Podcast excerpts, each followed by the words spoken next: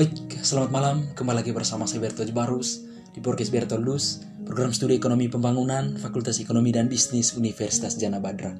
Pada kesempatan ini, saya mau menjawab pertanyaan nomor 7 sekaligus pertanyaan terakhir soal ujian akhir semester mata kuliah ekonomi perdesaan.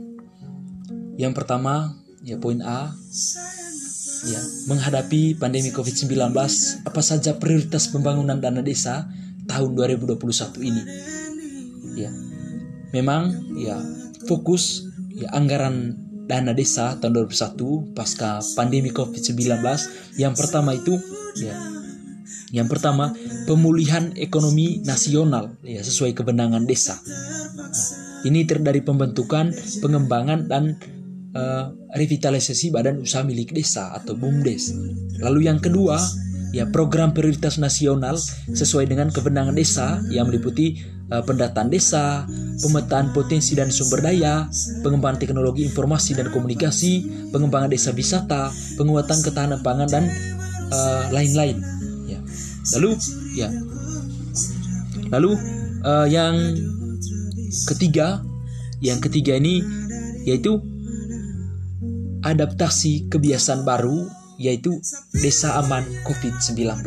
Ya kurang lebih uh, itu prioritas pembangunan dana desa di tahun 2021 ini. Lalu ya terkait dengan poin B, ya mekanisme pencairan dana desa di APB desa. Uh, yang pertama itu dan mekanisme pencairan dana desa dilakukan bertahap dengan presentasi tertentu yang telah ditetapkan. Lalu yang kedua, pencairan pertama diajukan oleh kepala desa kepada bupati yang melalui camat disertai dengan ya kelengkapan administrasi yang telah ditentukan.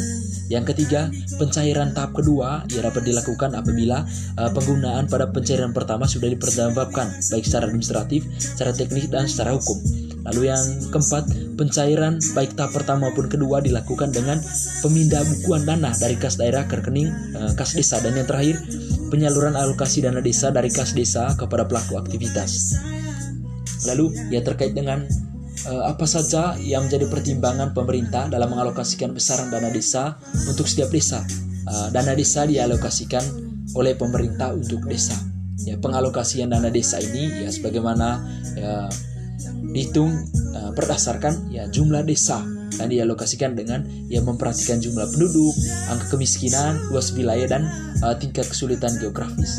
Lalu ya pertanyaan lalu poin tiga terakhir ya, jelaskan perbedaan antara dana desa dan alokasi dana desa. Ya dana desa merupakan ya kewajiban dari pemerintah pusat yang dialokasikan uh, dalam APBN ya kemudian transfer ya rekening kas desa atau RKD ya. Kemudian rekening kas umum ini daerah uh, RKUD sebagai penyimpan sementara dana desa. Lalu ya sedangkan uh, untuk alokasi dana desa ini merupakan ya kewajiban pemerintah kabupaten atau kota yang mengalokasikan ke dalam uh, APBD melalui dana perimbangan setelah dikurangi dana alokasi khusus untuk uh, kemudian transfer ke rekening dan desa. Kurang lebih seperti itu uh, jawaban saya terakhir nomor 7 dan saya juga mohon maaf uh, apabila ya ada keributan atau bising di tempat saya. Saat menjawab pertanyaan ini dan kurang lengkap saya mohon maaf. Uh, saya akhiri. Cukup sekian. Uh, terima kasih